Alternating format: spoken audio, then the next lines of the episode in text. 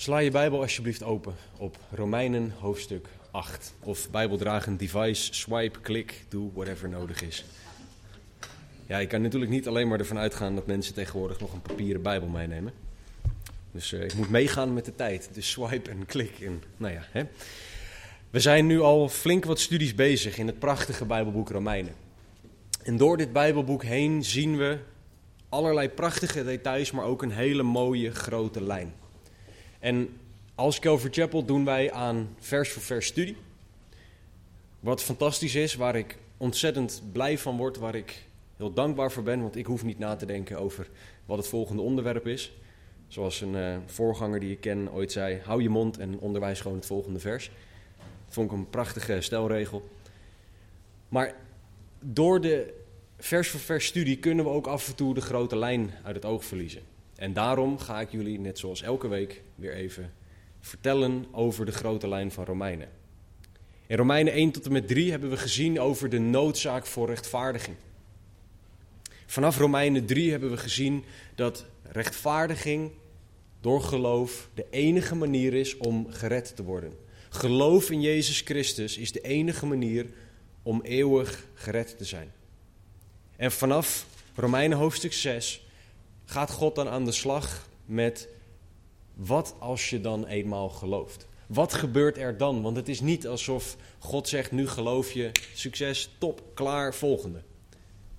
Alsof God soort van een lijstje aan het afvinken is met: als ik je maar gered heb, dan ben ik klaar. Nee, God gaat dan een belangrijk proces in. Hij gaat het proces van heiliging in. Het heiligingsproces waar in we zien dat je meer op Jezus Christus moet gaan lijken. En dat hebben we vorige week ook gezien. In Romeinen 8, 29, dat wij bestemd zijn om op Jezus Christus te gaan lijken.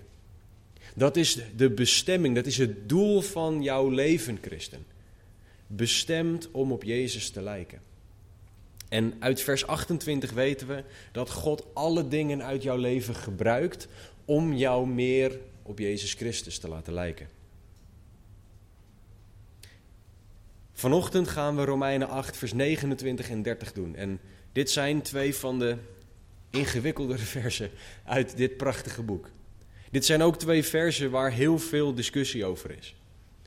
En met heel veel discussie bedoel ik honderden jaren aan echt hele zware, tot aan we zijn bijna bereid om elkaar de hersens erover in te slaan, discussie. Zo ver gaat de discussie over deze versen. En voor de duidelijkheid, op die manier horen christenen nooit te discussiëren. Ik heb af en toe prachtige discussies met broeders en zusters over dingen. Maar eigenlijk altijd vanuit het perspectief, we zijn broeders en zusters. En we kunnen mogelijk een andere interpretatie van een stuk hebben. Maar uiteindelijk moeten we erop uitkomen dat God regeert en dat God alles weet. En dat wij ons best doen om het woord recht te snijden. Maar wij mogen nooit denken dat als iemand anders over een stuk tekst denkt dat niet redding gerelateerd is, dat niet de basis vormt van ons geloof, dat we dan beter zijn dan die ander, want wij zijn niet beter dan iemand. Maar in deze discussie gaat het over de betekenis van een aantal hele grote termen. Dingen als voorbestemming, roeping, rechtvaardiging en verheerlijking. En vooral voorbestemming en geroepen. Dat zijn uit vers 30 de twee woorden waar boekwerken geschreven zijn over wat ze betekenen. En vandaag wil ik wat toevoegen aan die hele lange lijn van gesprekken hierover. Ik wil met jullie kijken in Romeinen 8, vers 29 tot en met 30 naar redding vanuit Gods perspectief. Ik wil met jullie kijken naar wat God hier zegt, zonder de hele discussie per se mee te nemen. Ik zal af en toe delen noemen, maar ik zou gewoon al weken kunnen, kunnen spreken over alleen al de discussie. Maar daar heb je helemaal niks aan. Dus laten we samen lezen Romeinen 8, vers 29 en 30 en daarna simpelweg naar de tekst gaan kijken. Paulus schrijft, want hen die hij van tevoren gekend heeft, heeft hij, God, er ook van tevoren toe bestemd om aan het beeld van zijn zoon gelijkvormig te zijn, opdat hij, Jezus, de eerstgeborene zou zijn onder vele broeders. En hen die hij er van tevoren toe bestemd heeft, die heeft hij ook geroepen. En hen die hij geroepen heeft, die heeft hij ook gerechtvaardigd. En hen die hij gerechtvaardigd heeft, die heeft hij ook verheerlijkt. Laten we bidden. Vader God, we danken u voor uw woord. Heer, we danken u dat uw woord op zoveel punten zo kristalhelder is, zo duidelijk is. En dat we tegelijkertijd op sommige punten ook mogen erkennen, heren, dit is ingewikkeld. En heren, spreek dan vandaag tot onze harten, want dit is een stuk dat zoveel discussie heeft dat we soms door de bomen het bos misschien niet meer kunnen zien. Maar heren, spreek tot onze harten, zodat we dit eenvoudigweg kunnen begrijpen, kunnen geloven en kunnen toepassen. Spreek door mij heen, laat er niks van mij bij zitten, heren, want het gaat om uw woorden, woorden van eeuwig leven. En we bidden en vragen dit in Jezus' naam. Amen. We hebben het hier over heiliging. En specifiek in Romeinen 8 over heiliging vanuit Gods perspectief. In Romeinen 7 hebben we gezien de worsteling van de mens. Wat ik niet wil, dat doe ik wel. En wat ik wel wil, dat doe ik niet. Maar in Romeinen 8 zien we hoe God naar de situatie kijkt. En vandaar ook dat dit soms hele grote termen zijn met een hele ingewikkelde betekenis. En dit valt allemaal samen met het hoofdthema van het boek: rechtvaardiging, recht voor God kunnen staan. Want dat is wat God wil. En heiliging is wat God in jouw hart aan het doen is, christen. Vanaf het moment dat jij tot geloof komt, gaat God jou veranderen. Zoals die Fisher posters wil zeggen: God houdt zoveel van je dat hij je neemt zoals je bent maar hij houdt te veel van je om je zo te laten.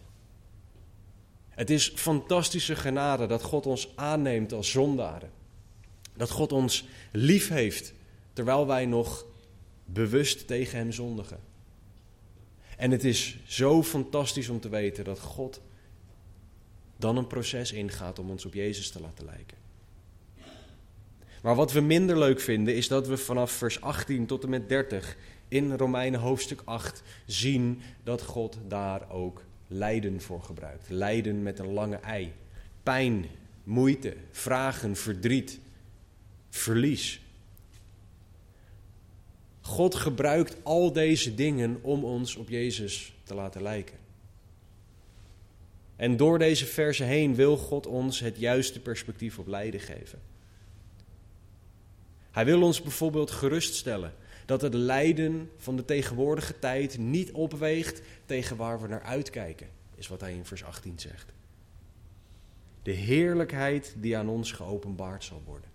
Dat is waar we naar uitkijken. We leven niet, niet alleen, we leven niet voornamelijk voor het hier en nu. We kijken vooruit naar de eeuwigheid. Vanuit vers 19 tot en met 25 weten we dat we een hoopvolle toekomst hebben. En daar mogen we naar uitkijken, juist ook wanneer lijden op ons pad komt. We mogen weten dat de Heilige Geest ons helpt om te bidden, zeggen vers 26 en 27. En we mogen weten dat God alles ten alle tijden ten goede zal gebruiken voor de christen. Maar in ons lijden vergeten we nog wel eens dat God soeverein is. Oftewel dat God alles onder controle heeft.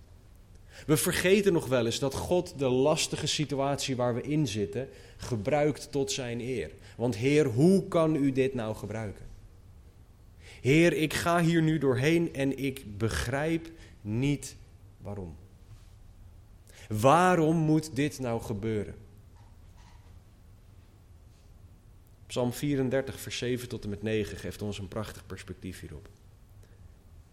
Deze ellendige riep en de Heere hoorde. Hij verloste hem uit al zijn benauwdheden. De engel van de Heere legert zich rondom hen die hem vrezen en redt hen. Proef en zie dat de Heere goed is.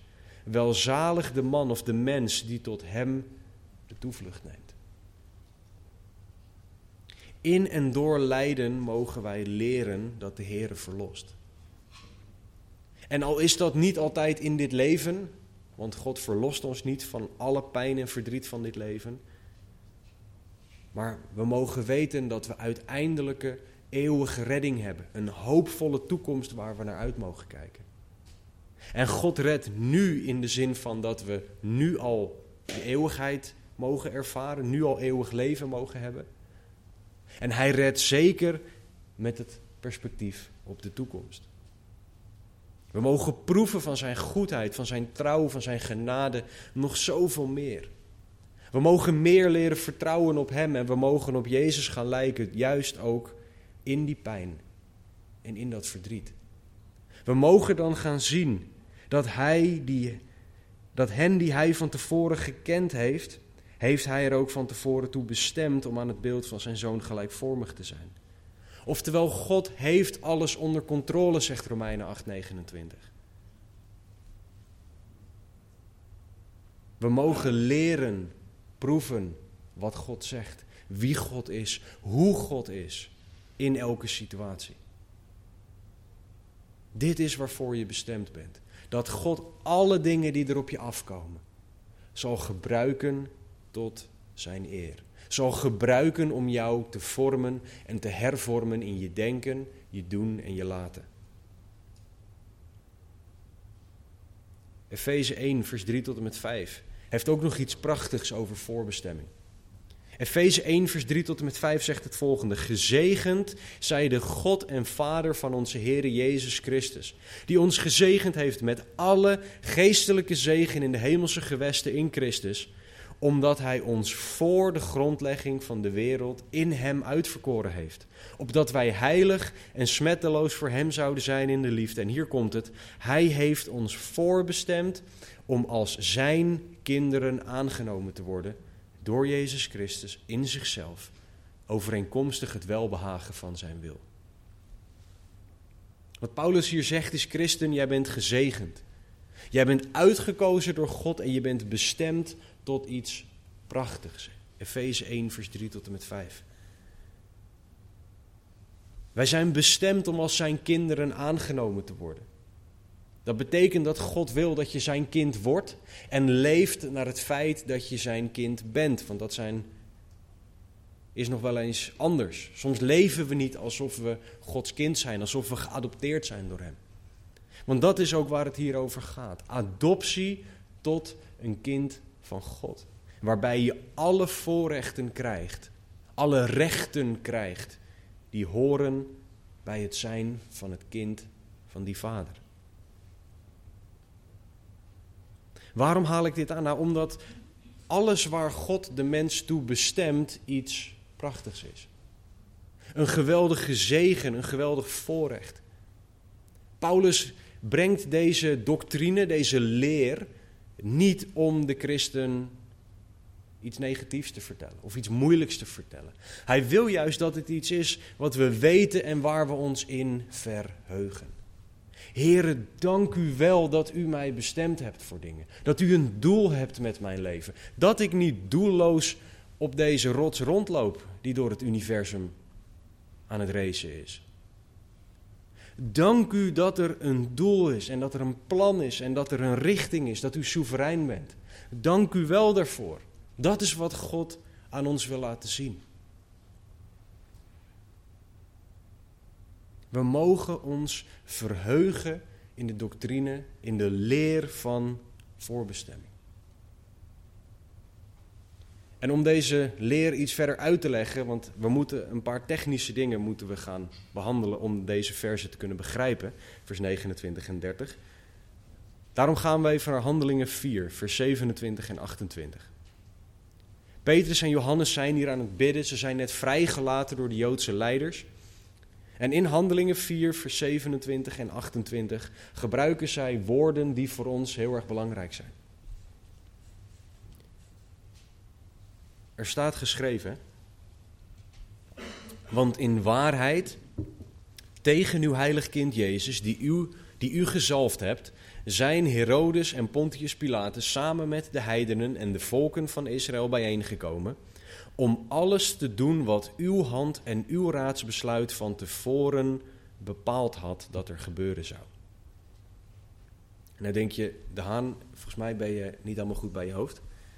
Ben ik ook niet, maar dat is iets anders. Waarom haal je dit aan? Deze broeders, Petrus en Johannes, erkennen dat God iets van tevoren bepaald had. Dat hij iets bestemd had om van tevoren te laten gebeuren en dan laat God dat ook gebeuren. Om alles te doen, zegt vers 28, wat uw hand en uw raadsbesluit van tevoren bepaald had. God had dus al bepaald wat er zou gebeuren en hoe. Wat voor een zegen dat zou zijn.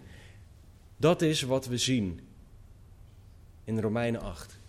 Een God die van tevoren bestemt, die van tevoren bepaald heeft. En dat wordt gezien als een geruststellende zegen door de schrijvers van het woord.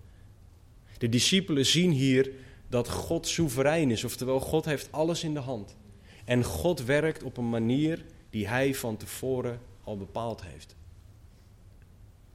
Wij zijn bestemd om aan het beeld van zijn zoon gelijkvormig te zijn. God had dit van tevoren al bedacht. En hij zal ervoor zorgen dat het ook gaat gebeuren. Dat is de soevereine hand van God. De grote, geweldige hand van God in voorbestemming. En dit is iets om ons in te verheugen, om dankbaar in te zijn. Want God leidt. Sommigen van jullie denken nu, de Haan, ben je een Calvinist geworden? Nee. Voor de, en nee, ik heb niks tegen Calvinisme in de zin van het zijn broeders en zusters. Maar de soevereiniteit van God is duidelijk.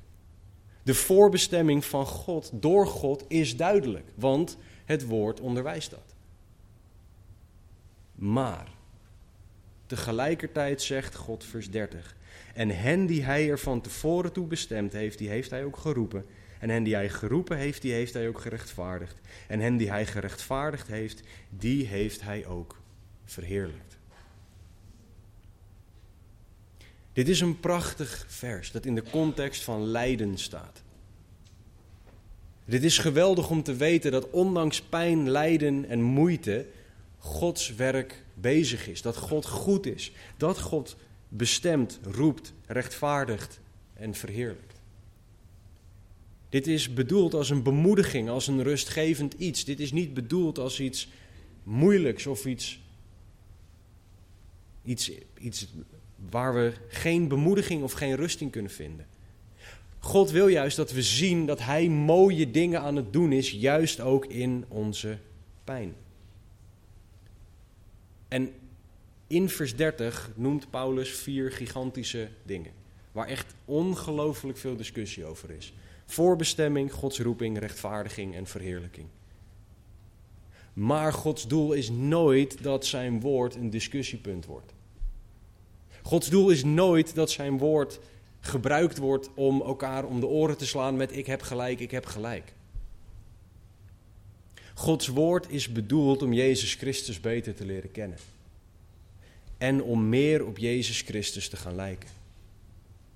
2 Timotheus 3, vers 16 en 17.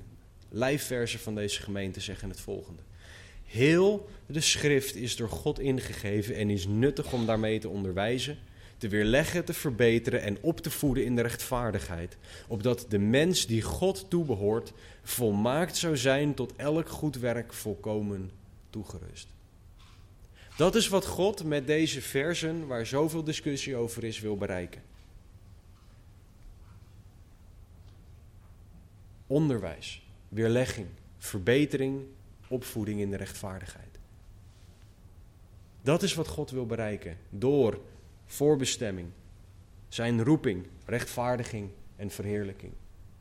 Niet zodat je een academische discussie kan hebben over waar de punt en de komma in het Grieks staat. Maar zodat je opgebouwd wordt als christen om meer op Jezus te lijken. Dus laten we naar deze vier onderwerpen kijken. Gods voorbestemming, Gods roepen, rechtvaardiging door God en verheerlijking. En waarom kijken we er naar simpelweg? Omdat het in de tekst staat. Gods voorbestemming. Dat zijn degenen die God ergens voor bestemt. Ah. Dat zijn de mensen waar God nog meer mee gaat doen. Dat zijn mensen die vanuit de context, want dat is belangrijk, meer op zijn zoon moeten gaan lijken. Dat is wat vers 29 ons leert. Dus de context van voorbestemming hier gaat over bestemd om op Jezus te lijken.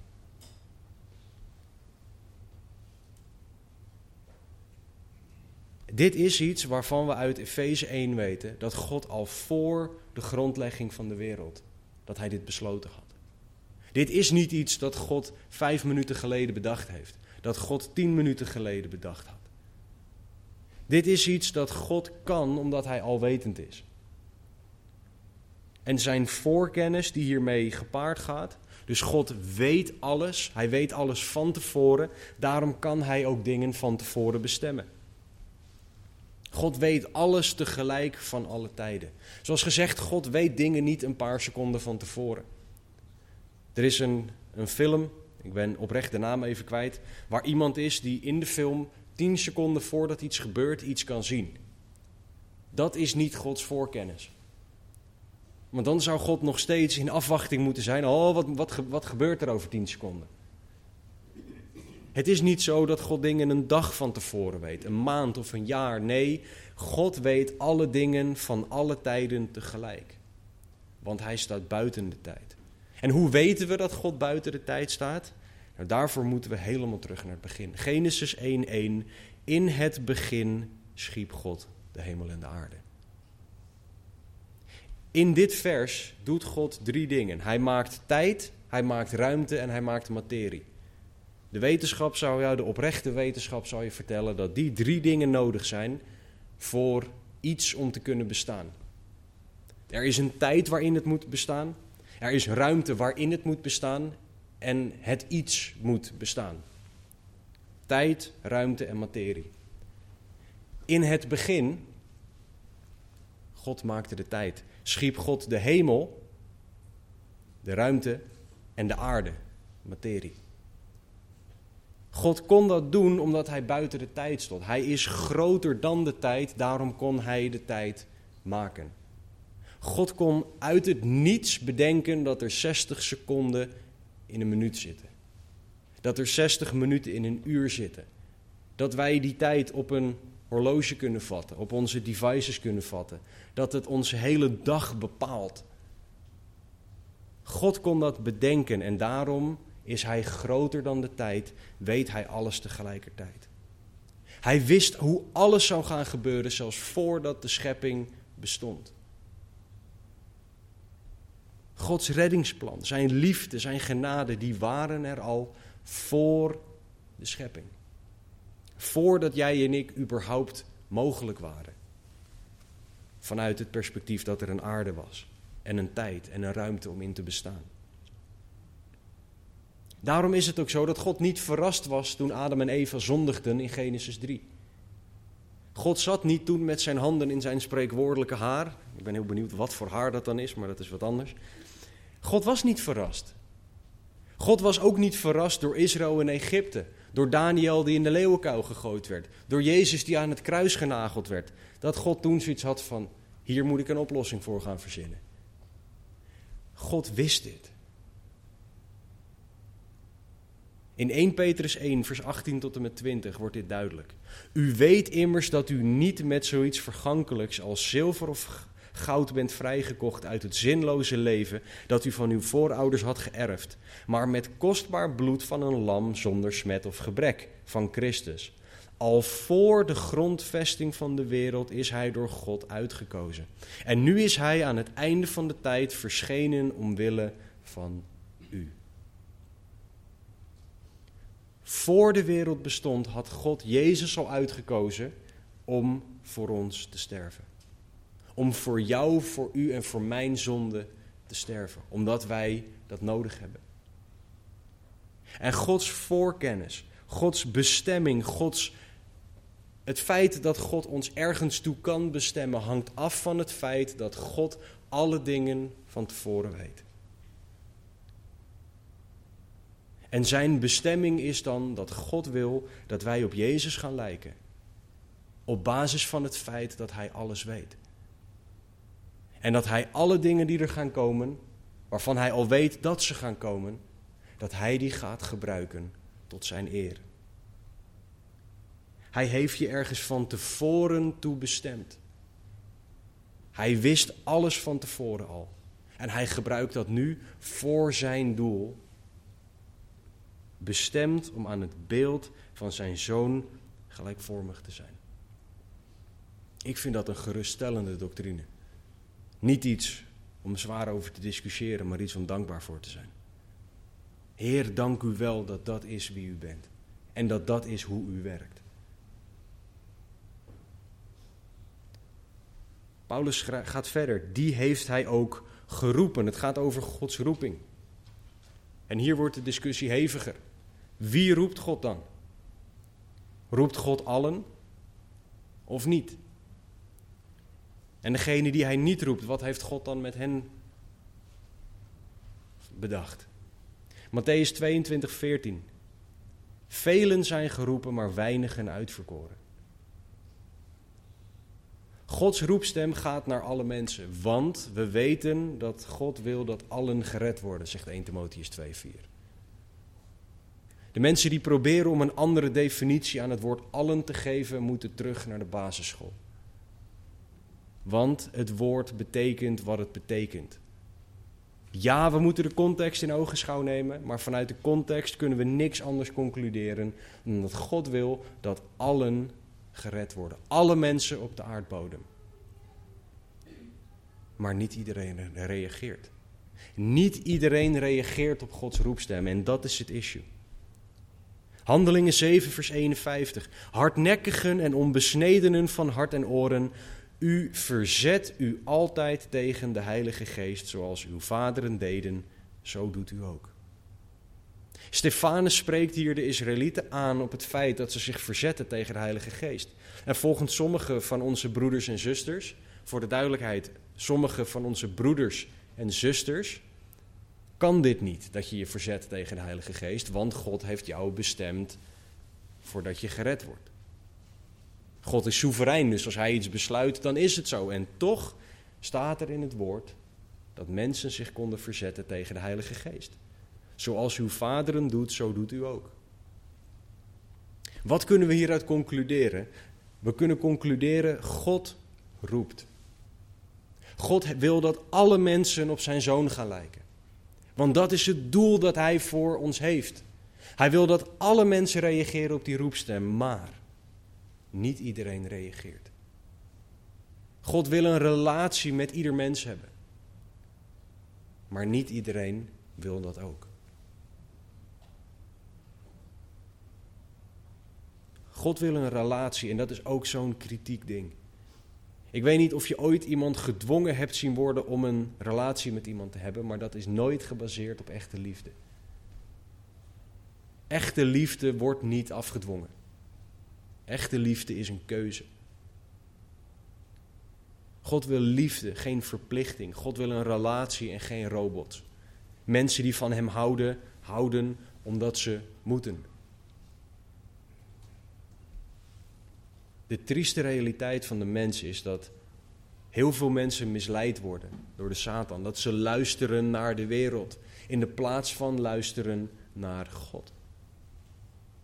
Te veel mensen willen die relatie met God niet, omdat ze denken dat het ze beperkt, of dat het iets negatiefs is, of niet inclusief, of welke nieuwe, welk nieuw idee Satan ook de wereld ingegooid heeft.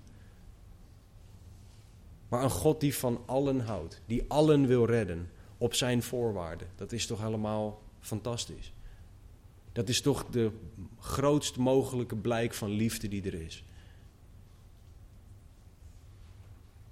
Dus het is aan jou en aan mij om te bidden, om te getuigen, om zelf je ogen op Jezus te houden en te blijven luisteren naar die roepstem.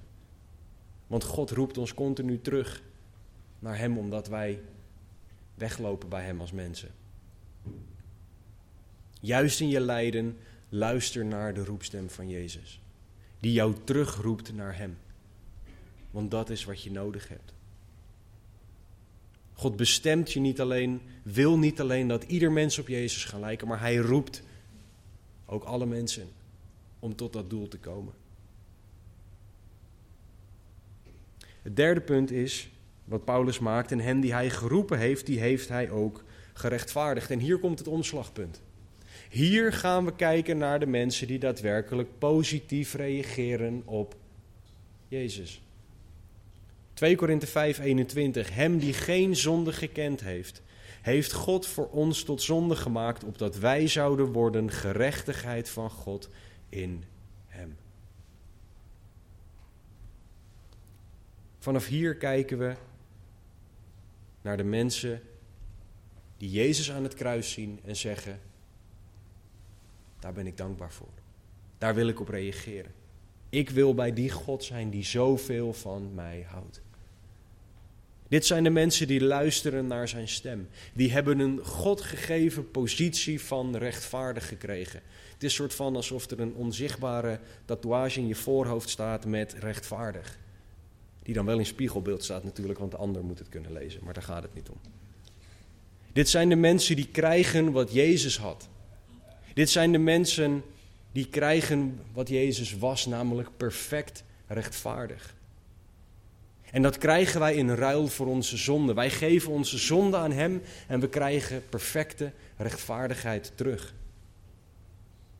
En dat allemaal door genade. Uit genade, zegt Efeze 2, 8, 9, bent u zalig geworden. Door het geloof en dat niet uit u. Het is de gave van God, niet uitwerken opdat niemand zou zondigen. Ik weet dat ik hier een tekst erbij haal die ook weer heel veel discussie heeft. Maar wat er hier staat, het dat niet uit u wijst naar zalig. En voor degene van jullie die dit interessant vinden, en ik weet dat het er maar twee of drie zijn, maar het woordje dat is een onzijdig woord. Uit, uit genade bent u zalig geworden door het geloof en dat niet uit u. Het woordje dat is onzijdig, terwijl geloof vrouwelijk is. En in de Griekse grammatica, en degene die hier afgestudeerd is en Latijn en Grieks zit instemmend te knikken. Iets onzijdigs kan in de Griekse taal niet naar iets vrouwelijks wijzen. Oftewel, dat wijst niet naar geloof, maar dat wijst naar redding. En samengevat, voor degene van jullie die dat, willen, die dat interessant vinden. Uit genade bent u zalig geworden. Dat niet uit u. Het is de gave. Redding is de gave van God. Redding is de gave van God. Niet uit uzelf, opdat niemand zou roemen. Dat is waar Paulus het over heeft. Hen die hij geroepen heeft, Romeinen 8:30, die heeft hij ook gerechtvaardigd. Dat niet uit u, niet uit werken, opdat niemand zou roemen. Het is allemaal genade, wij verdienen het niet. En wat we hier zien is dat God mensen roept om gered te worden. Op basis van voorbestemming, in de zin van hij weet alles. En degenen die positief reageren op zijn roepstem, zijn degenen die gerechtvaardigd worden. Dit is Gods perspectief op redding. Dit is Gods reddingsplan. Dit is redding zoals God het ziet. Zoals we continu in Romeinen 8 zien. Dat we dingen vanuit Gods perspectief gaan zien in de plaats vanuit een menselijk perspectief. God kent, God roept, God rechtvaardigt. En dit is een zegen op basis van Zijn liefde. De God die van jou houdt, is altijd bij je. Hij gaf zichzelf zodat jij, jij nu gered kan worden. Ieder mens is een zondaar die dit nodig heeft, die deze rechtvaardiging nodig heeft. Want niemand kan zonder die rechtvaardiging recht voor God staan. God gaf zichzelf voor zondaren, zodat wij nu rechtvaardig voor God kunnen staan. Jezus zelf heeft de weg gebaand, zodat jij nu in Hem kan geloven en rechtvaardig kan zijn.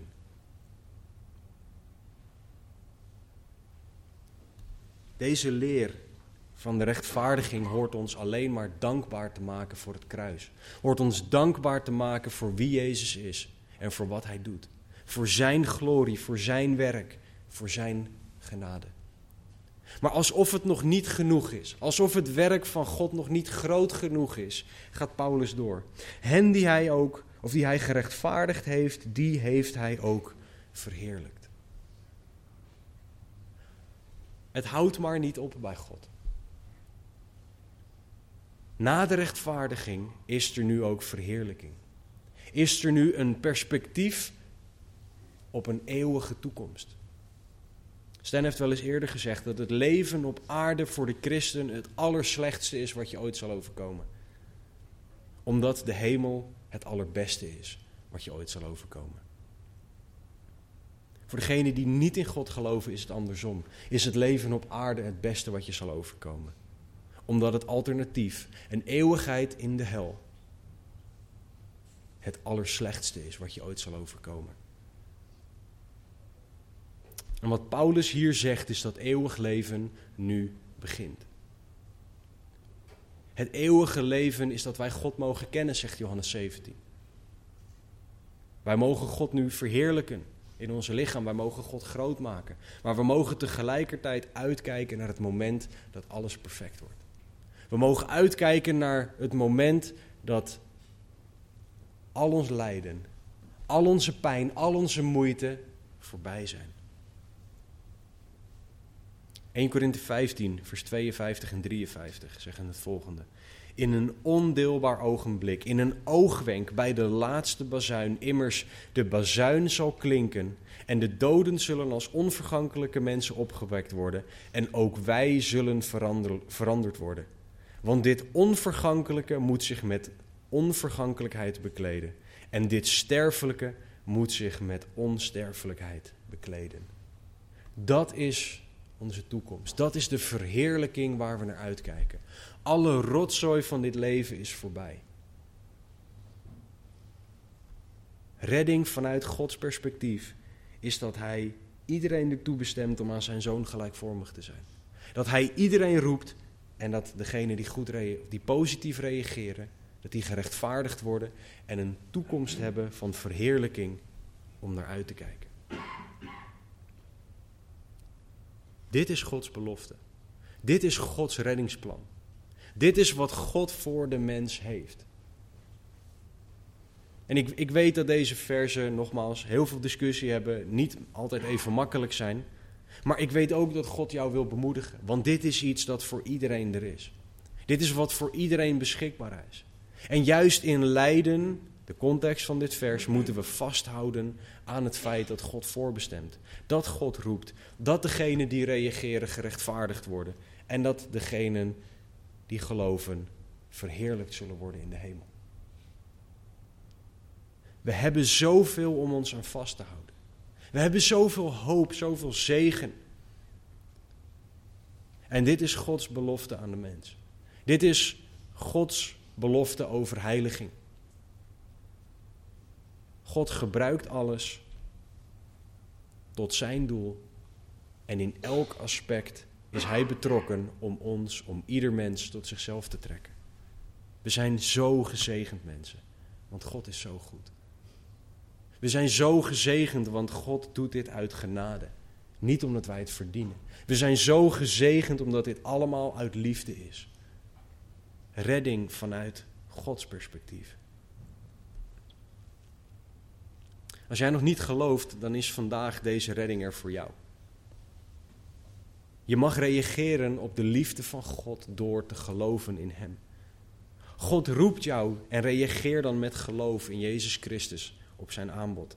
Spreek uit in gebed dat jij een zondaar bent die zijn redding nodig heeft. Spreek uit dat je gelooft in Jezus Christus als zoon van God. En dan belooft Johannes 20:31 dat je gered bent. Kies daarvoor vandaag. Kies daarvoor om dat te doen. Want je weet niet of je er morgen nog bent. Gods belofte is dat als jij reageert in geloof, dat jij eeuwig gered bent. Christen, wees bemoedigd door vers 28 tot en met 30. Wees alsjeblieft bemoedigd door meer dan alleen Romeinen 8, vers 28. Hoe fantastisch dat vers ook is, maar de rest is net zo mooi. Want God heeft een plan met jouw leven. En Hij is bezig met dat plan. En Hij heeft alles onder controle om zijn doel te bereiken. Dus weet, christen, dat je bestemd bent om aan zijn zoon gelijkvormig te worden. Leef daar dan ook naar. Leef naar het feit dat jij meer hoort te handelen als Jezus. in de plaats van meer handelen naar een menselijk voorbeeld. Weet dat God jou voorbestemd heeft, roept en dat jij gerechtvaardigd en verheerlijk bent. Laat dat jouw reden zijn voor bidden en getuigen, voor mensen over Jezus vertellen, omdat jij zo ongelooflijk geliefd bent. Laten we bidden. Heere God, we danken u voor uw woord. Heere, we danken u dat u goed bent, dat u trouw bent. We danken u voor de zegen dat we u mogen kennen. Heere, dat u de God bent die redding voor ons hebt. Dat u de God bent die in ieder roept, die in ieder voorbestemt om aan het beeld van uw zoon gelijkvormig te zijn. En dat wij die positief reageren, die reageren met geloof. Heren, dat wij gered zijn, gerechtvaardigd en verheerlijkt. Heren, dat is allemaal genade. Dat is allemaal onverdiend. En heren, daarom kunnen we u alleen maar danken. U alleen maar loven, u alleen maar prijzen. Heren, want u alleen bent God. Dus heren, spreek op dit moment en ieder aan die u nog niet kent. Hier aanwezig of via de livestream, heren, het maakt niet uit. Ieder die het naluistert, spreek hun hart aan. Breng hen tot geloof, alstublieft. En laat daarmee uw plan voor redding zien, alstublieft. Heer, ik bid ook dat u op dit moment iedere christen bemoedigt. Heer, dat er een reddingsplan voor, voor een ieder is.